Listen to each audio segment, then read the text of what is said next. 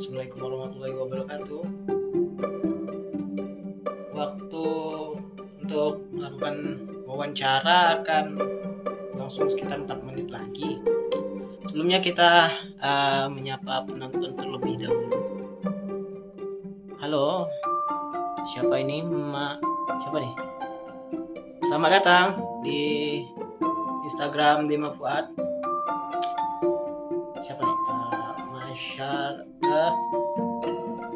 MHSA Arya, saya tidak bisa bacanya, sorry. Ada Muhammad Ikram 178 pokoknya banyak lah. Lumayan ya. Ya terima kasih masih 4 menit lagi masih santai. Kita nyapa penonton eh penonton pula. Eh, kalau di istilah di Instagram itu apa sih namanya? Ya betul sih penonton sih ada Mei Mei 21 ada kok nama Instagramnya agak susah-susah dibaca gitu ada huruf vokal eh ada huruf konsonan semua gitu Oh Mahesa, Mahesa Arya, bagus namanya. Uh, ada empat orang yang bergabung. Ada yang dari luar uh, KPI, ada yang dari prodi lain misalnya. Ada ada enggak?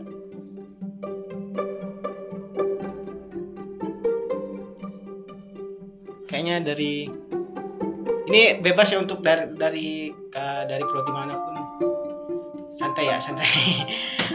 Ish, um, saya pertama kali live ditonton oleh orang. Kadang saya live di Instagram saya tidak tidak ada yang menonton. Bagus.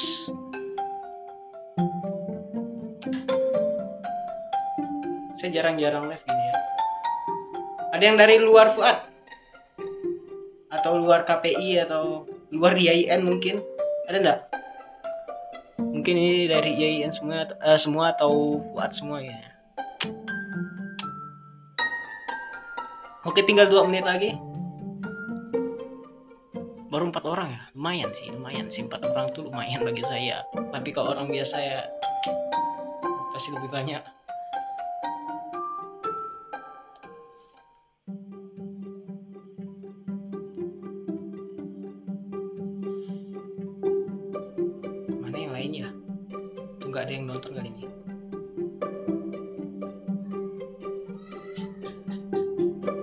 rata-rata di sini semester berapa? Kalau boleh tahu para penonton yang budiman.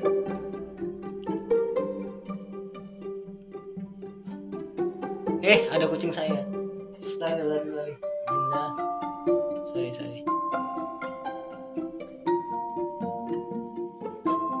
Berkurang ya?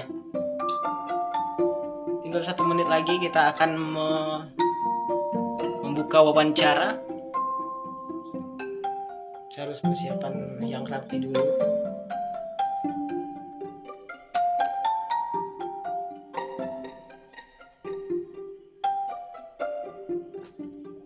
Kakak-kakaknya sudah masuk belum ya? Narasumbernya udah masuk belum ya? Kayaknya belum ini. Selamat datang Arifatul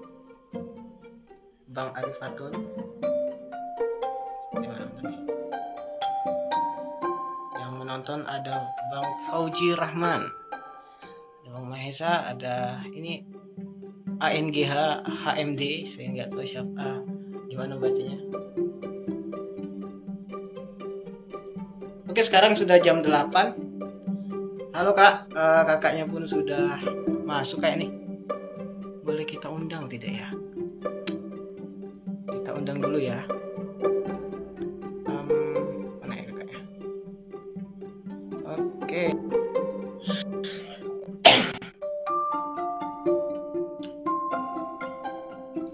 Sulman agak grogi nih karena pertama kali mau wawancara orang yang baru dikenal gitu halo selamat malam kakak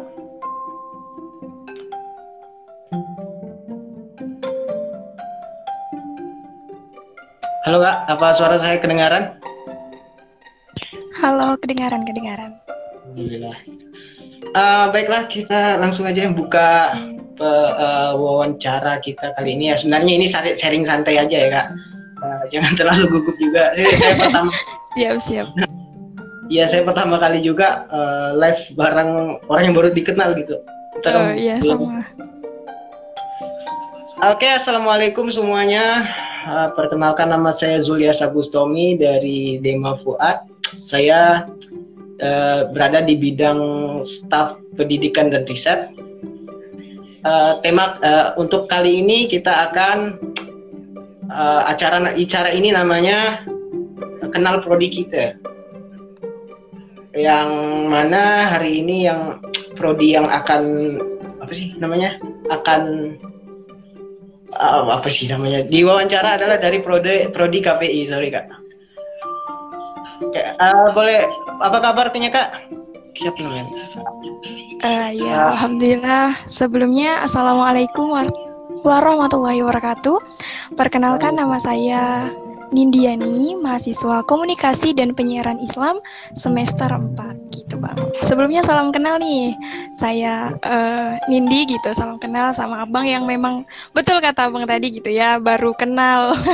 Sebelumnya belum pernah kenal juga gitu. Jadi kakak ini uh, semester 4 ya kak? Masih Iya betul.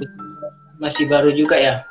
Iya, Angkatan dua sama iya, saya 2019. juga. Oh iya. Uh, juga angkatan uh, 2019 juga. Uh, kita ini baru baru masuk berapa tahun terus di dilanda oleh COVID. Iya betul ya. banget. um, sebelumnya uh, kan udah berapa tahun kita menghadapi pandemi ini dan me menjalankan kuliah online. Uh, menurut kakak gimana sih kuliah online ini efektif tidak? Oke, jika uh, beruntunglah kita gitu ya karena kita masuk di 2019 gitu. Kita belum uh, belum terkena masanya Covid gitu ya pada masa kita masuk ke kampus gitu. Dan sangat terasa luar biasa gitu. Perbedaannya dari yang tadinya kita offline terus kemudian kita online. Terkait efektif atau tidak tentu saja tergantung ke pribadinya masing-masing menurut saya. Iya. Betul. Kenapa? Kenapa? Karena uh, pada saat offline saja bisa jadi seorang mahasiswa itu tidak juga mendengarkan dosennya di kelas gitu ya. Hmm. Ada yang mungkin tidur gitu dan mungkin ada juga yang memang fokus mendengarkan dosen. Nah, hmm. begitu juga dengan online. Ada yang mungkin uh, masuk Zoom nih, masuk Meet, tapi tidak mendengarkan dosennya gitu. Jadi mungkin tergantung dari pribadinya masing-masing lagi gitu sih, Bang. Ya, pokoknya pasti di uh, suatu kondisi pasti ada hal positif dan negatifnya gitu ya. Mudah-mudahan uh, pandemi ini segera berakhir dan kita kembali bertatap muka dengan dosen-dosen kita tercinta. Lumayan yeah. juga kita sudah tahun lebih, hampir dua tahun hmm. menghadapi iya, iya, pandemi yeah, yeah, ini. Banget. Yeah. Sampai-sampai wawancara ini harus dilakukan secara online gitu kan? Ya betul banget. Tapi alhamdulillah karena teknologi udah canggih gitu ya bang, uh, semua udah bisa kita lakukan secara online gitu. Uh, Oke okay, kita langsung masuk ke KPI. Kalau misalnya nih kak, ada orang awam, ada orang awam sekali yang nggak tahu apa-apa tentang uh, nggak tahu apa-apa tentang KPI, bahkan nggak tahu apa-apa tentang IAIN. Orang nanya uh, KPI itu apa sih? boleh tahu kalau boleh tahu pak kalau misalnya ada orang awam nih bertanya Oke, okay. jadi uh, bicara tentang orang awam, begitu pula dengan saya gitu ya. Pada awal hmm. saya masih SMA dulu gitu, bertanya-tanya sebenarnya uh, IAIN ini di mana sih gitu. Bahkan uh, di tempat saya sendiri di Sintang gitu ya, banyak yang belum mengenal bahwa IAIN ini adalah IAIN tapi merupakan STAIN gitu. Nah, jadi nah, masih betul. terkenal dengan ya dengan nama Stain. Nah, apalagi jurusan komunikasi dan penyiaran Islam ini uh, kurang banyak diketahui orang. Yang banyak orang ketahui tentu saja uh, uh, pendidikan agama Islam gitu ya, di mana memang sangat luar biasa sekali mahasiswanya. Dan orang awam yang awalnya belum tahu apa sih komunikasi dan penyiaran Islam awal uh, yang ada di benak saya pribadi gitu ya bang kita sharing tentang uh, pengalaman saya uh, saya berpikir bahwa komunikasi dan penyiaran ini hanya tentang seorang penyiar, hanya tentang seorang wartawan, kemudian uh, jurnalis gitu. Nah, padahal pemikiran-pemikiran uh, seperti itu tuh tidak tidak sepenuhnya benar gitu. Jadi uh, saat kita ingin masuk ke komunikasi dan penyiaran Islam, kita tidak hanya menjadi seseorang yang yang bergerak di ruang lingkup itu saja gitu. Jadi kebanyakan nih ada juga teman-teman yang bertanya nih bang, uh, kak kalau masuk komunikasi dan penyiaran Islam itu uh, nantinya bakalan jadi apa sih kak gitu. Nah ini yang harus kita buka. Ini yang harus kita buka pemikiran-pemikiran seperti ini. Kenapa? Karena tidak semua yang kita masuk itu akan menjadi pekerjaan yang nantinya kita lakukan gitu. Uh, pekerjaan itu kembali lagi kepada kita sendiri. Contohnya seperti orang tua saya sendiri gitu, berpikir bahwa kamu masuk uh, jurusan KPI ini nantinya ingin jadi wartawan, ingin jadi reporter gitu kan. Pasti pemikiran orang-orang awam seperti itu, padahal tidak tidak menutup kemungkinan untuk uh, seseorang yang berkuliah di jurusan komunikasi dan penyiaran Islam ini bekerja di bidang lain gitu. Mungkin bisa jadi di menjadi guru, bisa jadi juga gitu. Kemudian di kantor-kantor itu bisa jadi juga gitu. Jadi tidak menutup kemungkinan untuk orang yang masuk ke KPI itu hanya menjadi seorang jurnalis, reporter yang memang uh, fokusnya sih memang di situ gitu ya, tapi kita masih bisa bekerja di bidang-bidang lain juga gitu, Bang.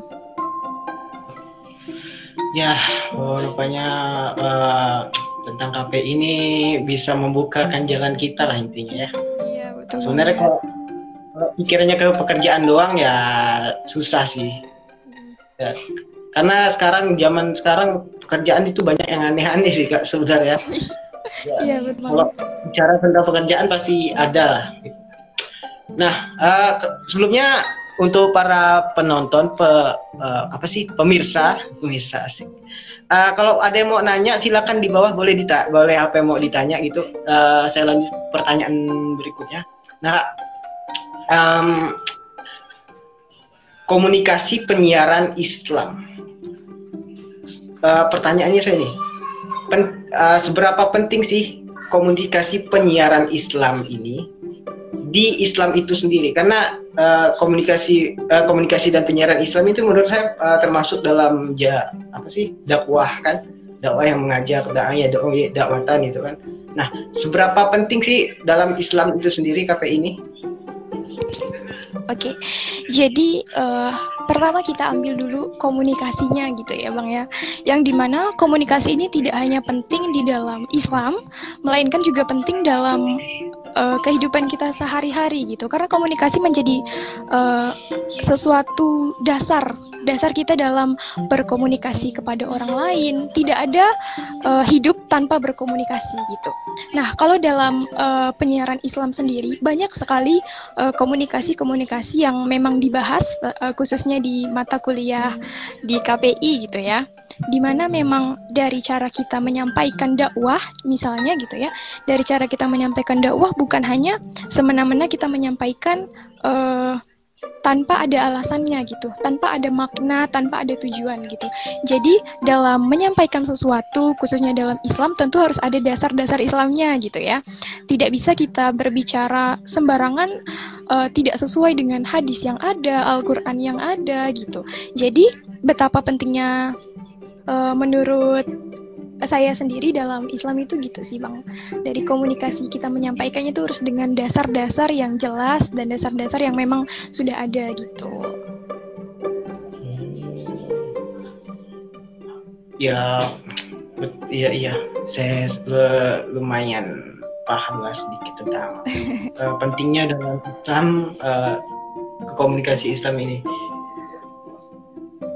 Um, kan kita bicara tadi saya bicara tadi tentang uh, dakwah dakwah dakwah ya dakwatan yang artinya menyampaikan menyerukan uh, dan lagi komunikasi penyiaran Islam ini di dalam uh, Fakultas Usuluddin Adab dan Dakwah. Nah, pertanyaan saya nih yang berikutnya ini tentang di KPI ini apa saja sih bentuk uh, penyampaian dakwahnya? Apa enggak? Kok di dalam KPI ini kan kalau di di uh, misalnya saya di, di BKI kan oh iya bentuk penyampaian dakwahnya dengan membimbing, melakukan konseling. Nah, kalau di KPI ini apa, Kak? Oke, jadi uh, untuk teman-teman semua ketahui juga gitu ya. Hmm.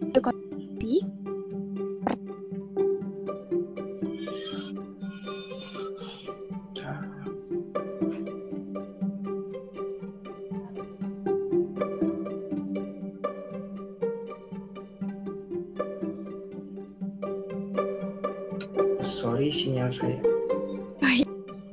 Oke kak, sorry sinyal saya kali tadi agak terputus.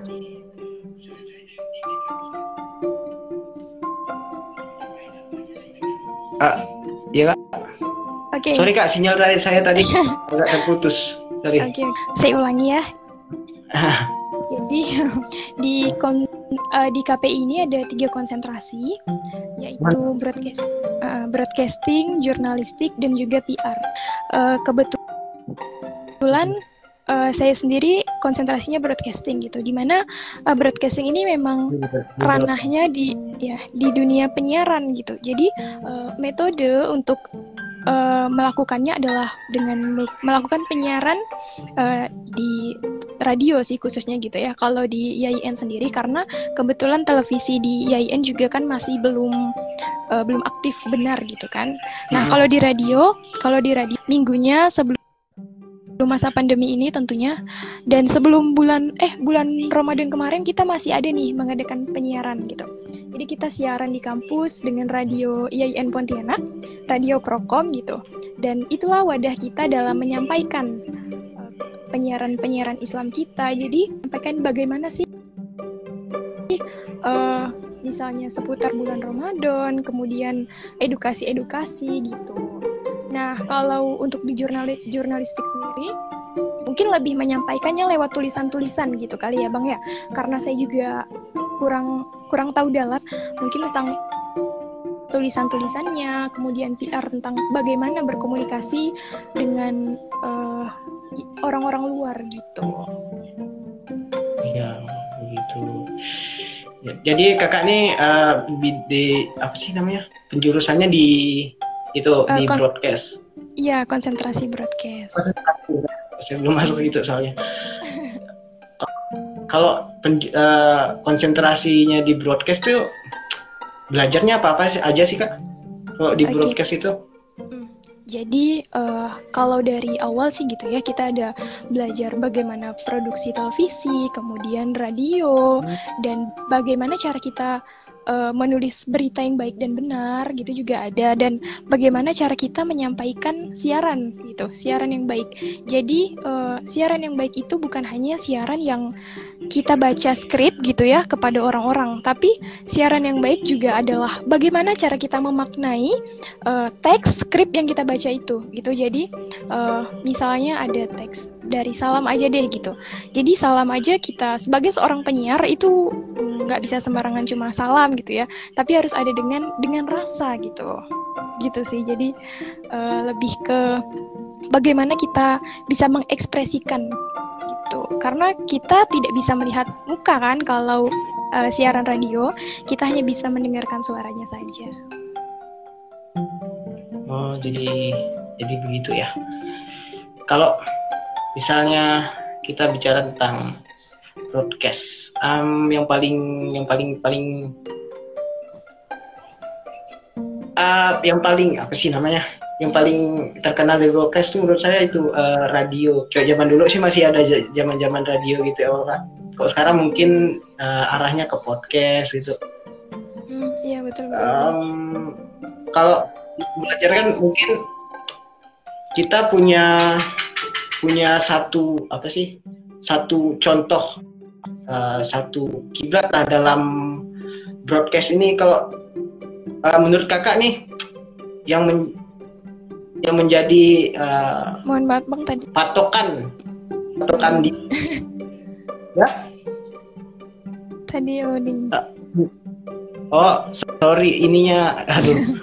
Sinyal saya lumayan jelek di sini. Jadi ya, Oke, okay. di broadcast itu kan kita, misalnya kita melakukan sesuatu pasti ada arah dan kiblatnya. Menurut kakak, menurut kakak uh, tayangan apa yang menurut kakak menarik di zaman sekarang ini yang uh, berbicara tentang misalnya keislaman ke atau pokoknya di bidang bidang uh, dakwah gitu menurut kakak yang yang bisa dijadikan referensi gitu oke okay. jadi uh, menurut saya yang sangat penting sekarang adalah tentang edukasinya gitu. Di mana pada saat online seperti ini, tentu kita harus menciptakan hal-hal baru gitu ya, ide-ide baru bagaimana agar edukasi uh, baik dari kampus maupun dari luar itu tidak terputus gitu.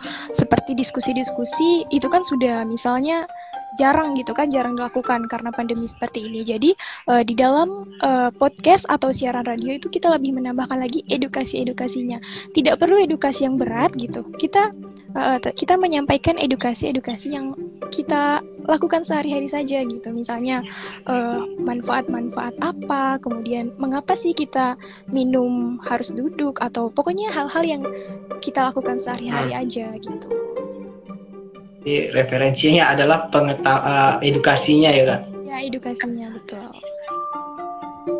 Sebentar saya uh, bacakan komen-komen para penonton dulu. Kayaknya tadi lumayan banyak ini.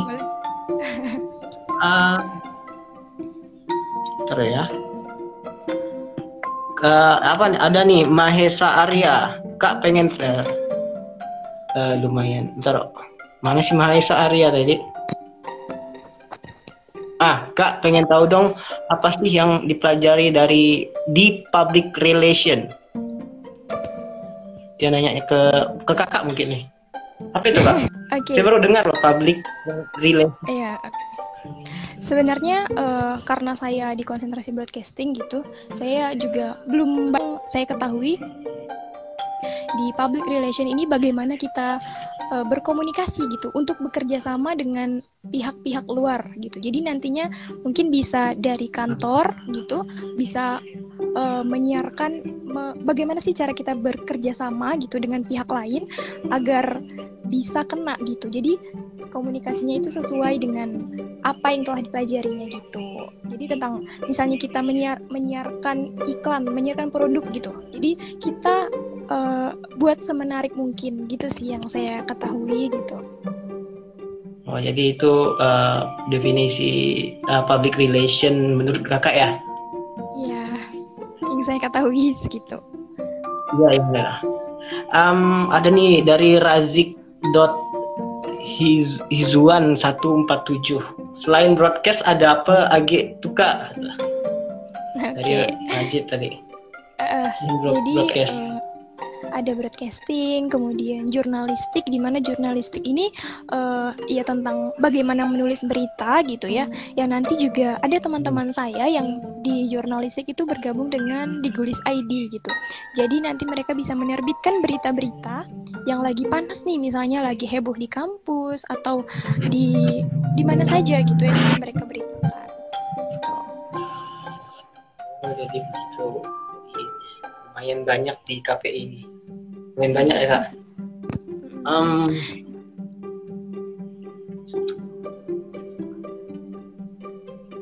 bentar loh kak. Nah kak uh, kan tadi kakak pernah uh, ada bilang bahwa kakak kakak tuh pertama kali uh, masuk KPI ini juga juga masih banyak pertanyaan gitu. Yeah. masih banyak banyak pertanyaan gitu. Um, waktu kakak mau masuk uh, waktu kakak mau masuk di KPI ini apa yang kakak pikirkan saat itu apakah kakak udah tahu KPI ini apa dan penjurus uh, bagaimana sistemnya gitu udah apa yang kakak pikirkan pokoknya kayak itu saat itu. Iya, oke. Okay. Jadi uh, pada waktu itu kan uh, di sekolah saya di Man Satu Sintang gitu ya. Seperti biasa hmm. pada saat kelas 12 itu ada sosialisasi gitu ya dari kampus-kampus, dari universitas gitu. Banyak uh, universitas dan kampus-kampus yang sosialisasi di sekolah saya dulu. Uh, salah satunya IAIN Pontianak yang di mana memang yang sosialisasinya juga alumni gitu. Alumni dari uh, Man Satu Sintang gitu kan. Nah, pada saat sosialisasi itu uh, banyak sekali teman-teman saya yang masuknya tuh yang terbukanya gitulah ya ke PAI gitu. Karena kenapa? Karena rata-rata yang memang Iya. sosialisasi di sana PAI gitu. Jadi mereka banyak memaparkan dan menjelaskan tentang eh, eh, tidak tidak terlalu terperinci tentang IAIN Pontianak hanya gambaran umumnya saja memiliki empat fakultas seperti itu. Kemudian eh, saya coba cari tahu gitu ya di di Google. Saya coba coba cari tahu eh, jurusan-jurusan apa aja yang ada di IAIN Pontianak gitu. Nah, nggak tahu kenapa memang pandangan saya pertama kali jatuh kepada komunikasi dan penyiaran Islam gitu. Yang memang eh, kenapa saya pilih ke situ karena eh, saya berpikir bahwa komunikasi ini mungkin lebih ke banyak bersuara, banyak berbicara gitu ya. Nah, karena eh, pada saat SMA saya sering mengikuti misalnya lomba-lomba tausiah, kemudian juga eh, lomba membaca berita. Jadi saya pikir, oh kayaknya ini sih jurusan yang tepat gitu. Jadi di saat orang-orang yang memilih jurusan komunikasi penyiaran Islam ini sebagai pilihan kedua saat mereka tertolak di kampus lain gitu ya, mungkin pasti banyak sekali yang seperti itu. Tapi tidak dengan saya gitu. Saya memutuskan untuk memang eh, masuk ke situ. Eh, awalnya saya ada dua pilihan nih bang, Eh, ada komunikasi dan penyiaran Islam dan juga manajemen dakwah awalnya gitu. Tapi-. Ya, ya sama-sama Fuad. Eh, pada saat itu saya belum tahu kalau eh, jurusan itu beda-beda per fakultas gitu. Jadi yang saya tahu, oh ya udah jurusannya aja gitu kan. Nah, Hmm. jadi eh, karena pemilih pilihan pertama saya adalah komunikasi dan penyiaran Islam. Nah, mungkin ya alhamdulillah gitu. Saya lulusnya tuh di eh, komunikasi dan penyiaran Islam gitu. Dan tapi pun awalnya saya eh, enggak ada nggak ada rasa mau kuliah jauh di Pontianak gitu. Karena memang orang tua saya sendiri tidak mengizinkan untuk keluar dari eh, kota saya gitu dari Sintang. Karena kata orang tua saya bilang eh, di Sintang juga banyak kok kampus gitu bisa kuliah di sini. Karena memang dari kecil saya kan eh, tidak pernah pisah gitu dari dari orang tua selalu sama-sama. Jadi mungkin wajar jika orang tua takut melepaskan untuk anaknya merantau gitu kan nah jadi eh, ter- yang saya pikirkan kayaknya enak nih masuk komunikasi dan penyiaran Islam. Eh, ndak ada pelajaran bahasa Arabnya deh kayaknya. Saya berpikir kayak gitu. Tapi Ya. tapi ternyata setelah saya masuk eh, komunikasi dan penyiaran Islam ya ampun ternyata ada juga gitu ya ada bahasa Arab ada Betul. tafsir gitu ada ilmu kalamnya jadi. Eh, Iya betul. Jadi eh, begitu juga dengan teman-teman saya yang masuk eh, ekonomi syariah gitu ya. Mereka juga berpikir, iya ya kirain nggak ada bahasa Arab, ternyata memang ada gitu. Nah padahal ya memang wajar gitu ya. Namanya juga IAIN Pontianak dan komunikasi dan penyiaran Islam gitu kan. Tentu ya harus ada gitu pelajaran-pelajaran Islam. Gitu sih. Oke. Eh, Oke, terima kasih. Terus em, ada pertanyaan lagi nih dari Razik Hinduan 147. KPI ada nggak sih kak yang berbau eh, editor gitu, yang berbau editing editing itu? Kira-kira ada nggak? Oke, jadi tentu ada dong gitu. Tentu ada karena eh, kita sendiri di KPI ada eh, tiga lab, lab, lab Hmm, televisi, lab fotografi dan lab radio gitu. Nah, di Hmm. mana tempat editor-editor lebih ke fotografi gitu ya. Karena di atau biasanya di perfilman lab lab TV itu biasanya ada eh, bagaimana sih anak-anak KPI itu juga membuat film loh gitu. Banyak loh anak-anak KPI, tapi biasanya itu di memang semester yang udah tinggi gitu ya, bukan untuk semester yang satu, dua, tiga itu enggak. Nah jadi kalau mau editor-editor atau bagi teman-teman yang suka dengan foto, kemudian editing foto gitu, kalian ah, nggak salah banget kalau bergabung di KPI gitu ya. Karena memang kita udah sediain kamera kita banyak gitu, Eh, drone ada, pokoknya alat-alat itu sudah disediakan gitu. Jadi kita tinggal eh, menggunakannya aja. Jadi kalau mau masuk di KPI eh, ada ada bagian editing editingnya gitu di eh, pertelevisian dan em, di mana eh, di foto-foto fotografi.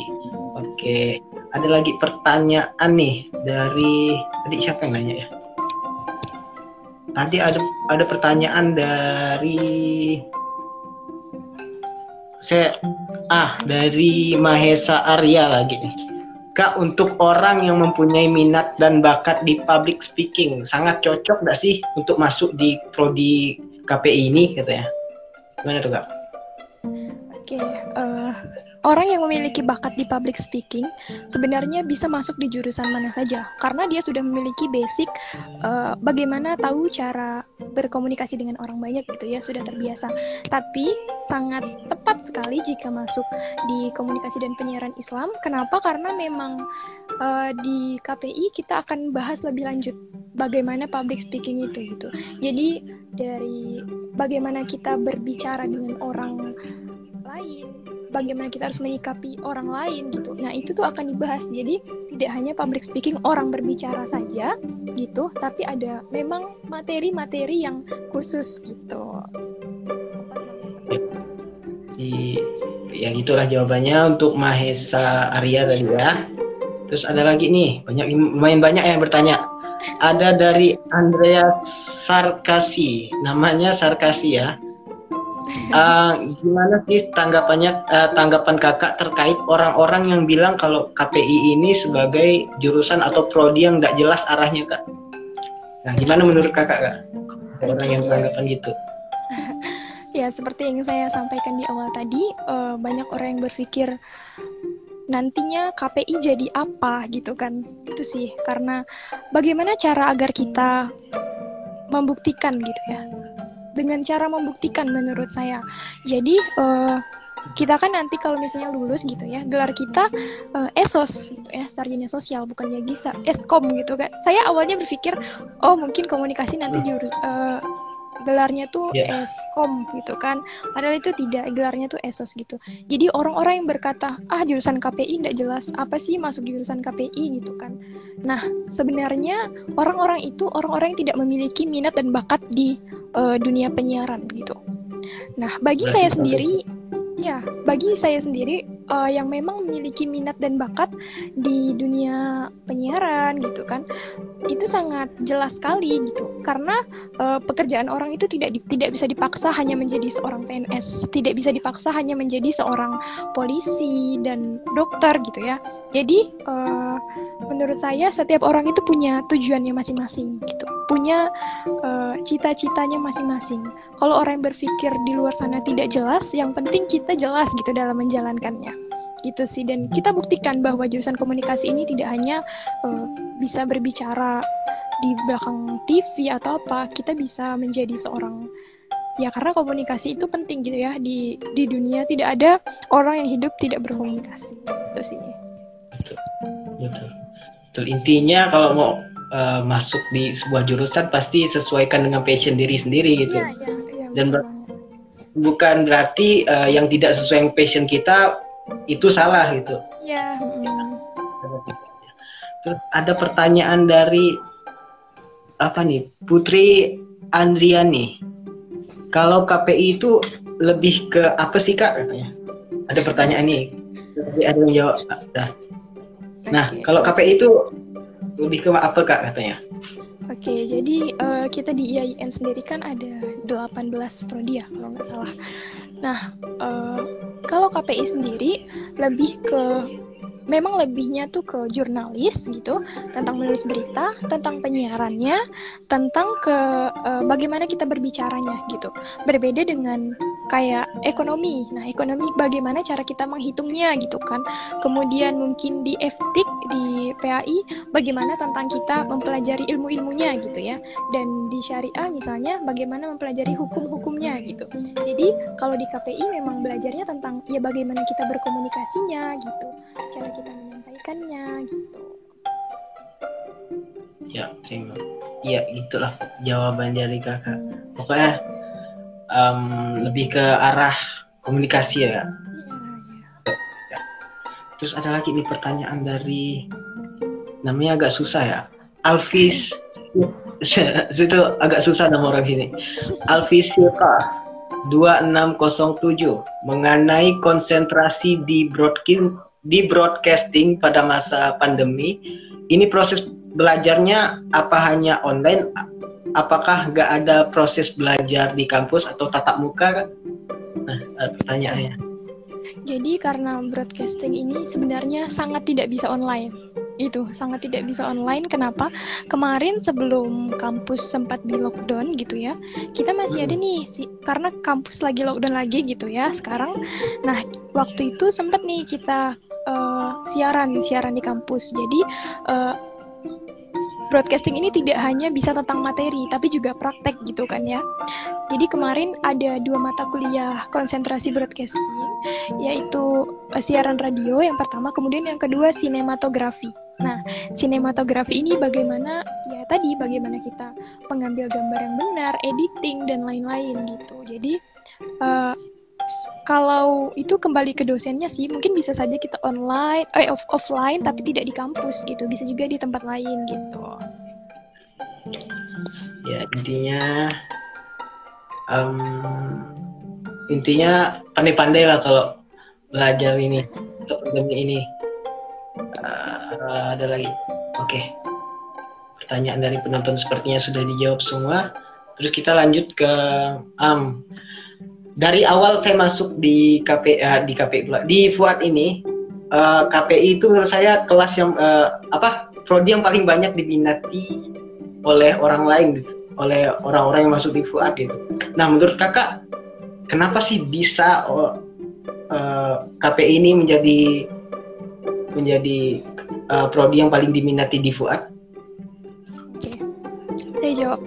Uh, kenapa di Fuad itu komunikasi dan penyiaran Islam yang paling banyak gitu ya uh, mahasiswanya. Pertama, karena komunikasi dan penyiaran Islam ini merupakan jurusan yang pertama kali ada di bawah naungan Fakultas Usuluddin Adab dan Dakwah yaitu pada tahun eh, 1997. Nah, jadi pada tahun 1997 itu uh, prodi KPI lah yang duluan ada gitu kan.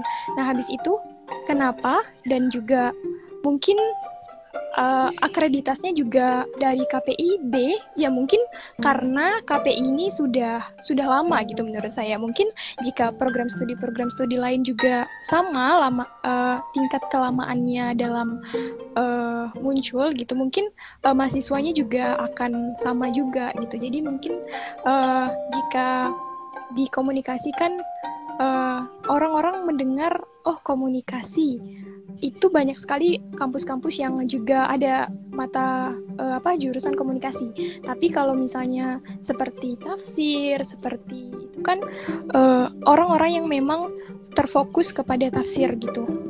Kalau mungkin banyak orang yang tidak mengetahui bahwa ada jurusan ini jurusan lain loh gitu. Orang banyak orang yang berpikir bahwa misalnya prodi lain itu oh tafsir hanya menafsirkan Al-Quran saja gitu. Mungkin banyak masih banyak orang yang berpikir seperti itu.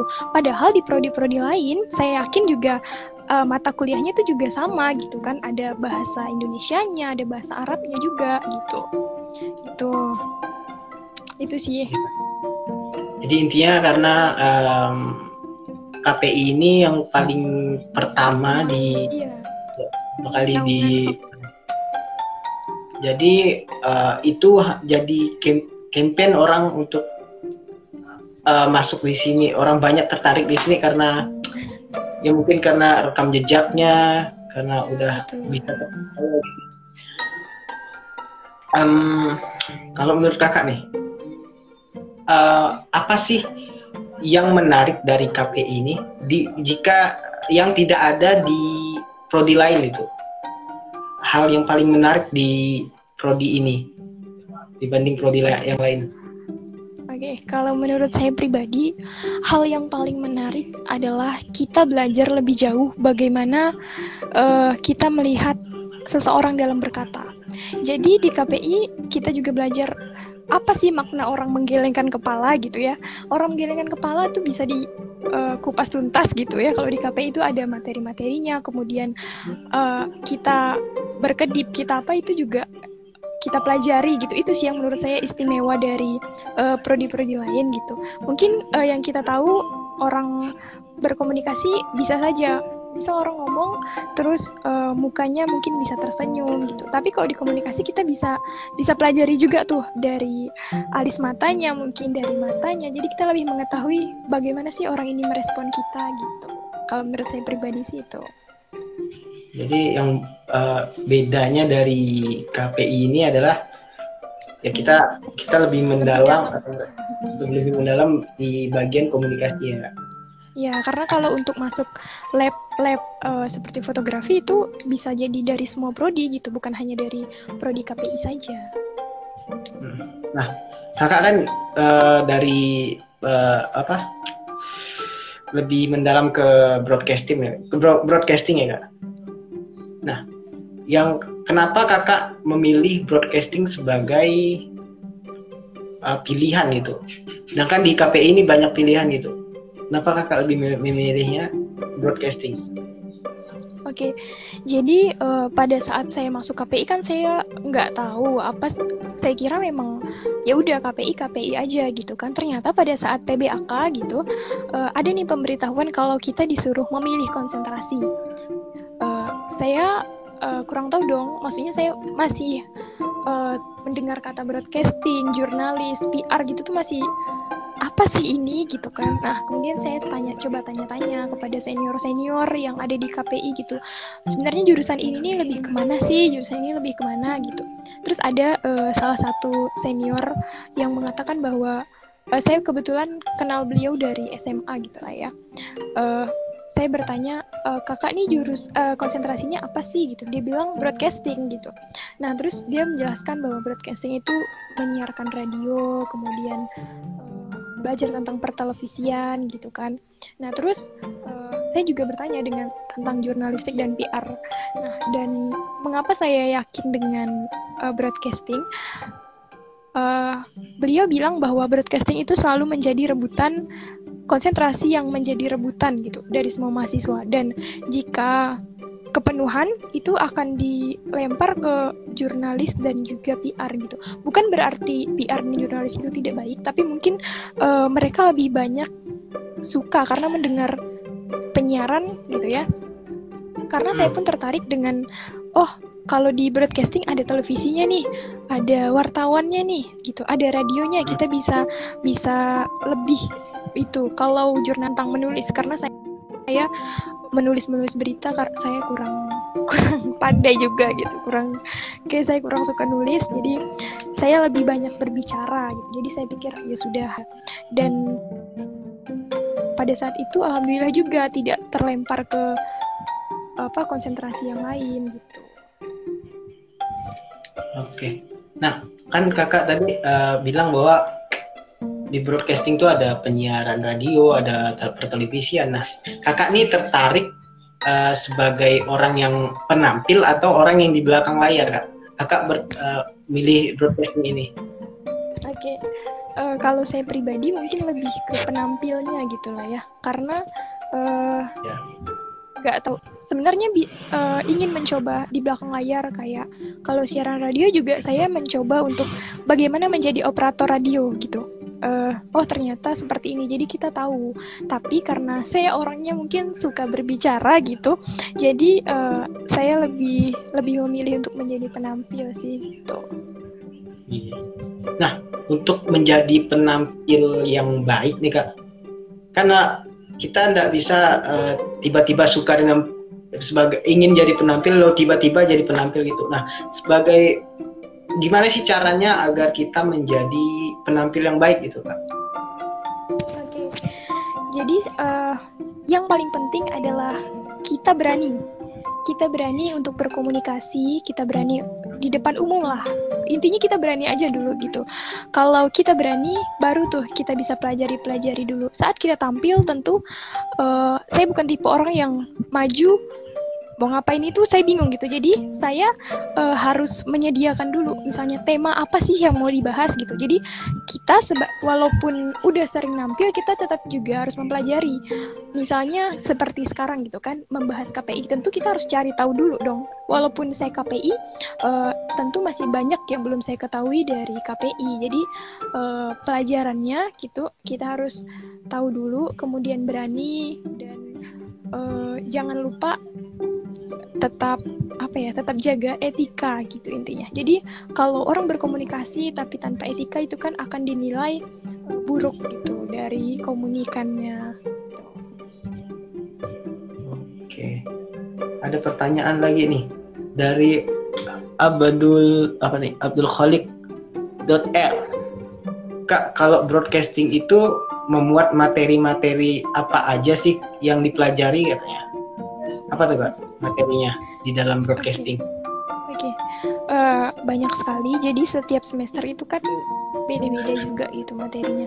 Ada announcing, kemudian ada program produksi radio di mana uh, kita belajar bagaimana menulis skrip radio gitu. Jadi nggak kita nggak langsung siaran, tentu ada tahap-tahapnya.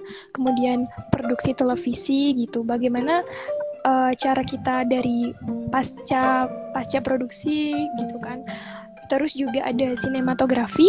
Uh, sinematografi baru saya temukan di semester 4 ini tentang uh, bagaimana angle dalam pembuatan film gitu. Jadi uh, dalam sinematografi sendiri itu banyak sekali dibahas tentang jadi film itu bukan hanya sekedar kita merekam gitu jadi ada makna-makna tersendiri kadang mengapa objek itu di blur mengapa objek itu uh, difokuskan gitu sih kalau yang dipelajari di sendiri ternyata lumayan banyak yang dipelajari oleh itu lumayan banyak ya.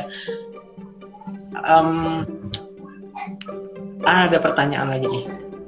Di broadcasting selain tentang siaran radio belajar apa lagi kak? Sebenarnya udah di, dijelaskan tadi.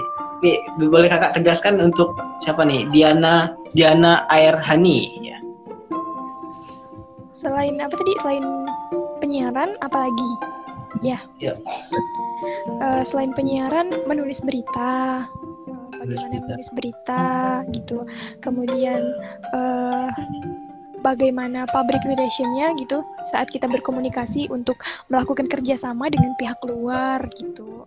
Itu sih kalau ke PR kan lebih bagaimana bekerja samanya gitu dengan pihak luar. Kalau jurnalis tentang menulis berita yang baik dan benar dan apa sih yang harus ada dalam unsur-unsur berita itu gitu dan uh, rupanya di selain selain tentang radio kita bisa juga bisa juga uh, menjadi penulis. Misalnya ada yang di sini siapa nih yang tertarik sekali jadi penulis gitu, bisa iya, bisa betul. belajar jurnalistik gitu. Iya, jadi uh, banyak mahasiswa KPI juga yang mengeluarkan buku gitu. Jadi bagi teman-teman yang suka menulis dan bingung nih mau menuangkannya di mana, nanti bisa aja bikin buku, coba uh, koordinasi dengan kakak tingkatnya gitu. Oke. Um, dari dari tadi kakak uh, ngomong saya kasihan juga dengan kakak nih. Ke lumayan cepat nanti kita nyapa penonton dulu kak. Uh, halo semuanya loh kita loh kak. Uh, semuanya kalau ada yang mau nanya atau mau mau uh, atau mau curhat di KPI tentang KPI ya boleh boleh di ini kan di komentar. Silahkan ditulis. Yang menonton oh, ini, ini lumayan nih. Uh, uh, ada. Apa kak? ini ada yang bertanya tentang berapa organisasi di IAIN ya oh iya organisasi Dan, di IAIN Dan di luar KPI sih tapi jadi uh, kalau di KPI sendiri uh, kayak organisasinya HMPS-nya gitu ya. Mungkin setiap prodi ada HMPS-nya masing-masing. Hmm, jadi bagi teman-teman yang bingung organisasi apa sih yang ada di KPI, jadi di KPI ada uh, organisasinya HMPS, Himpunan Mahasiswa Program Studi gitu. Dan kalau mau masuk saran mau masuk organisasi apa pun itu sesuai passion ya, Kak. Kita tidak bisa memaksa orang juga semuanya bagus gitu ya organisasi. Uh, yang menonton ini sekitar 10 orang. Um, Mahesa Arya masih tetap uh, setia dari tadi dari awal. Oke kita lanjut pertanyaan apa kak? Kakak, selama kakak berada di KPI ini yang otomatis ada empat semester dan mau ke lima semester. Nah, ada hal yang menyenangkan atau menyedihkan nggak sih kak di di KPI ini? Oke. Okay. Uh, kalau menyenangkannya apa ya? Oh, hal yang paling menyenangkan banyak sih gitu, banyak sekali pada kemarin uh, alhamdulillah menjadi utusan dari KPI uh, da untuk duta YIN Pontianak gitu kan. Dan alhamdulillah juga terpilih itu kayaknya pencapaian ya yang lumayan besar gitu untuk membanggakan nama KPI gitu ya. Terus juga kalau menyedihkannya mungkin tugas-tugasnya kali ya. Tugas-tugas ya. dari dosennya yang memang yang memang kadang kita nggak nggak mampu gitu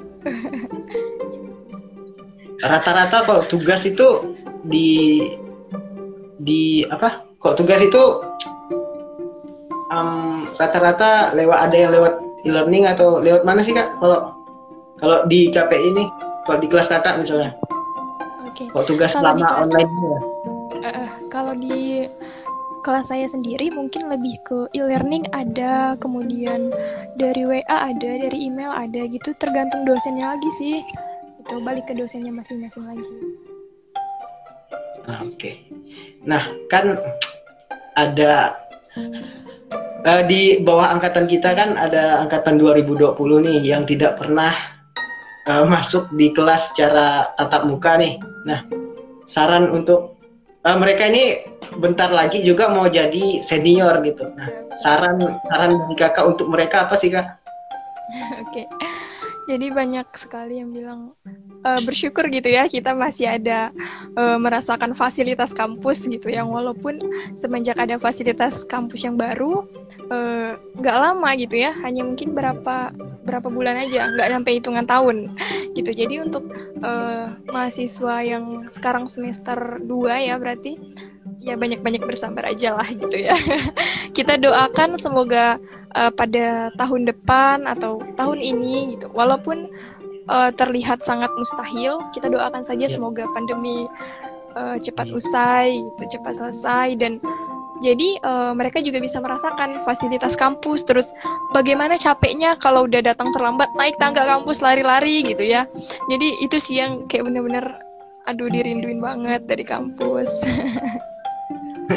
iya sih kak ya sebagai orang yang baru sekali kita kan ini baru baru masuk berapa tak baru yeah. setahun uh, di PN terus menghadapi pandemi ya awalnya kan janjinya cuma tiga bulan tapi sampai yeah. sampai bertahun-tahun gitu ya apa sih kak yang dikangenin ke di kampus itu kayak makan di kantin atau apa gitu Oke, okay. jadi uh, makan di kantin sih yang paling dikangenin ngantrinya kali ya. Karena uh, kalau udah udah habis mata pelajaran gitu mata kuliah ke kantin oh gila ramenya kayak apa gitu. Kemudian juga mau pesan nasi goreng gitu ya. Itu lama sampai kadang udah masuk lagi ke mata kuliah selanjutnya. Itu sih yang rindu. Terus juga kadang sering dibohongin teman udah ada dosen nih gitu kan. Terus dari parkiran lari deh ke atas gitu kan. Padahal nyampe kelas ya belum ada dosen gitu. Kayak uh, rindunya itu sih. Iya, kebanyakan orang rindunya di itu sih. Bukan yeah. di iya. pelajarannya ya. Bukan. Tapi uh, rindu juga ini ada, dengan ada dari ya. Ini ada dari Hambali Salam Hambali Muhammad. Salam dari U Salam dari dakwah dan ilmu komunikasi dari UIN Antasari Banjarmasin. Halo uh, Bang Hambali Muhammad luar biasa. Alhamdulillah sampai jauh ke sana juga ya ternyata ya. Iya alhamdulillah. Ada ada yang nanya nih. Aviansa abangnya Randy ya? Saya enggak apa saya enggak kenal siapa Randy gitu.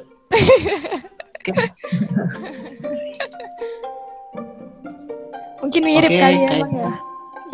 mungkin mungkin juga ada lagi nih dari Mahesa Arya. Nah, dari semua konsentrasi itu sangat berguna enggak sih Kak untuk kehidupan sehari-hari gitu, dari Mahesa Arya? Sangat berguna untuk kehidupan sehari-hari. Tentu sih sebenarnya. Tapi kalau dari konsentrasi ini kan kita lebih memfokuskan uh, untuk kita bekerja gitu ya melatih bagaimana nanti kita bekerja di lapangan. Jadi untuk kehidupan sehari-harinya mungkin uh, seperti uh, menyiarkan radio ndak mungkin gitu dong kita uh, hari-hari menyiarkan radio gitu yeah. ya. Dan ndak mungkin juga kita hari-hari uh, menulis berita untuk itu gitu kan itu nggak mungkin juga. Jadi mungkin lebih fokusnya tuh ke dunia kerja gitu sih.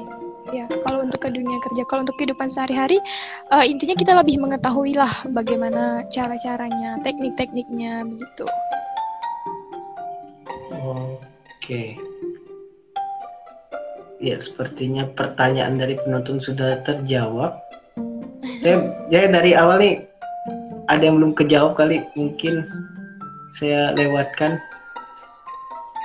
kayak tidak ada lagi nih um, kita sapa penonton dulu kak. Okay. Halo semuanya, yang 10 orang. Oh, baterai saya hampir lowbat bentar kak. Iya iya.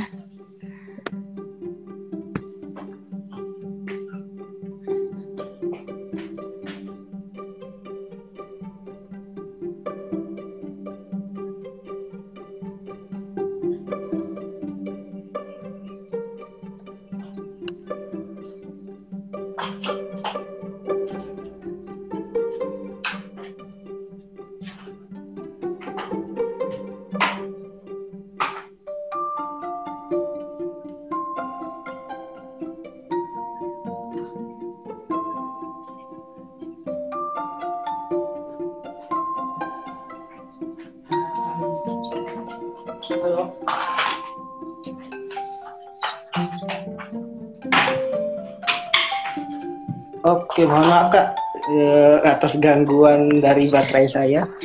Iya iya, nggak apa-apa. Oke.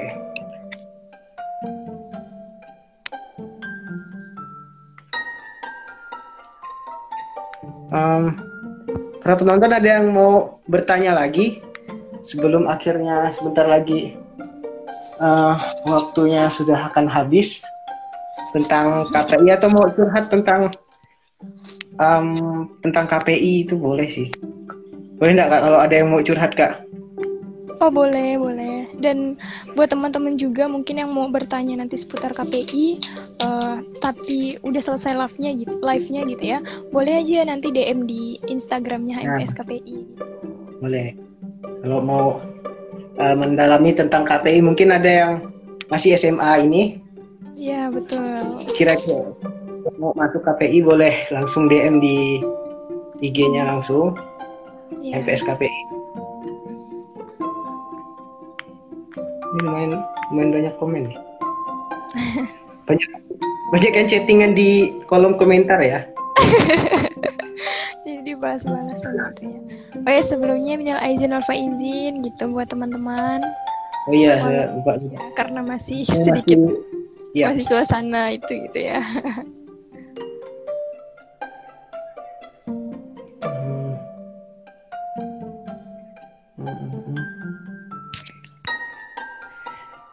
Um, nah kak. Saya mungkin ada kelupaan tadi. Saya mau nanya ini. Kan uh, eh, KPI ini termasuk dakwah ya kak? Termasuk hmm. bagian dari dakwah. Nah um, KPI ini termasuk di bagian dakwah mana ya kak? Kan ada dakwah yang secara tabligh, ada yang dakwah secara irsyad, ada yang dakwah secara tamkin, ada yang tadbir. Nah, da, kalau KPI ini di bagian dakwah mana ya? Kalau boleh tahu. Jadi sebenarnya uh, ma uh, masuk ke dakwah uh, lebih tepatnya mungkin di manajemen dakwah kali ya yang lebih mendalam materinya gitu. Kalau di KPI sendiri mungkin uh, uh, tidak terlalu fokus kepada dakwah uh, apalagi mata pelajarannya gitu ya lebih hmm. tidak terlalu fokus ke situ gitu jadi lebih ke penyiaran Islamnya gitu sih bang hmm. jadi lebih lebih lebih lebih fokusnya di bagian uh, penyiaran dan uh, komunikasinya begitu begitu lah yeah. ada yang menanya nih R Erma Wahyu apa tuh under, underscore Putri boleh dong ceritain apa yang udah kakak abang dapatkan di KPI mungkin untuk kakak ya karena saya uh, bukan bagi, bukan dari prodi KPI sebenarnya ingin masuk kemarin tapi ya begitulah. Saya kenapa tuh? prodi. Alasannya kemarin uh, pilihannya cuma dua cuma boleh hmm. dua. Yang paling saya terpilih itu di PAI dan DKI namun lulusnya di BKI alhamdulillah sih di BKI sekarang. alhamdulillah nah. Oke, nah, Kak, jadi boleh cerita dong cerita nah.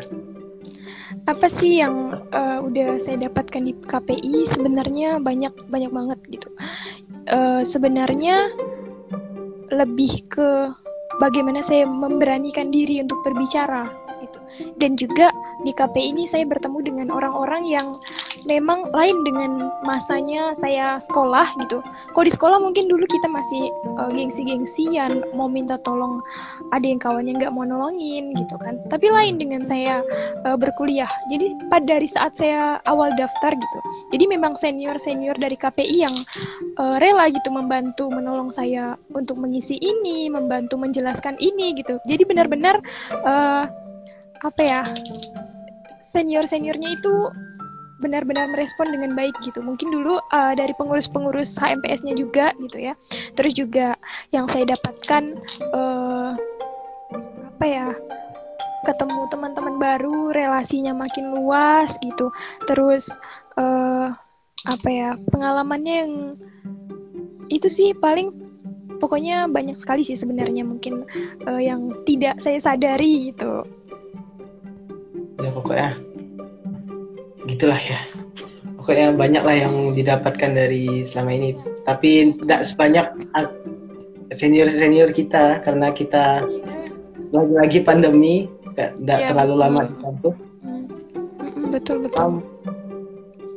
Kayaknya waktunya udah hampir habis nih kak okay. um, kakak ada ada maksud ada kata mutri putiara atau quotes quotes yang ingin kakak sampaikan ke uh, penonton ini kira-kira ada enggak uh, lebih ke pesan aja sih gitu jadi bagi teman-teman yang mau masuk IAIN Pontianak gitu, jangan memikirkan uh, apa ya, maksudnya ego kalian. Jadi hmm. lihat dulu uh, kemampuan kalian itu di mana, minat kalian itu di mana. Kalian tidak bisa memaksakan bahwa saya misalnya hobi di uh, hitung-hitungan gitu di ekonomi, hmm. tapi saya memaksakan untuk masuk uh, tafsir gitu. Nah, jadi jangan sampai uh, ada ada yang katanya salah jurusan. Itu sebenarnya tidak salah jurusan gitu, tapi mungkin kita yang belum mengenal sebenarnya diri kita ini di mana sih gitu, uh, minat dan bakatnya gitu sih. Jadi pikirkan baik-baik sebelum kita masuk untuk memilih jurusan gitu. Ya, betul, betul. Dan kalau misalnya ada yang memang betul-betul udah terjebak dalam salah jurusan itu gimana, Kak? Oke, okay. ada yang bilang, ih nyesal lah masuk jurusan ini gitu kan. Nah, e, gimana ya? Mau ndak mau, ya kita memang harus jalankan antara kita jalankan ya atau kita keluar gitu. Karena e, kalau sebenarnya percaya atau tidak, jalan yang udah kita lalui itu kan memang sudah direncanakan sama Allah gitu. Dibilang kita uh, kita salah jurusan, oh mungkin ndak ndak ndak salah jurusan, cuma mungkin belum menemukan uh, waktu yang tepat bersyukur bersyukur bahwa oh ternyata tidak salah ya saya masuk jurusan ini gitu mungkin soal waktu aja gitu kali ya Tapi kalau udah masuk dan dan susah untuk keluar ya tanggung jawab lah dengan tugasnya ya, gitu ya.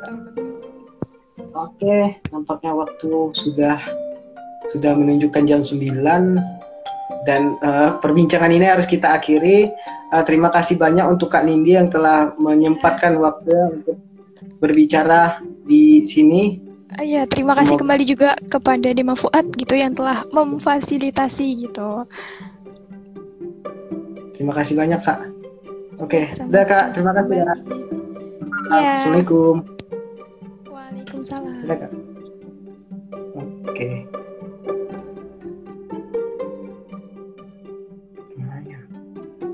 Oke, terima kasih teman-teman yang telah menonton video ini mungkin uh, ada salah dari saya, mohon maaf. Mohon maaf sebesar-besarnya. Sekian untuk pertemuan kali ini. Nanti uh, nanti acara kenal prodi kita akan memperkenalkan prodi-prodi di Fuad yang lainnya. Semoga kita diberikan kesehatan di masa pandemi ini dan semoga kita kembali ke fitrah karena ini masih bulan Syawal ada masih masih masih ada hawa-hawa lebarannya walaupun udah agak lama ya. Oke, selamat malam. Wassalamualaikum warahmatullahi wabarakatuh. Dah.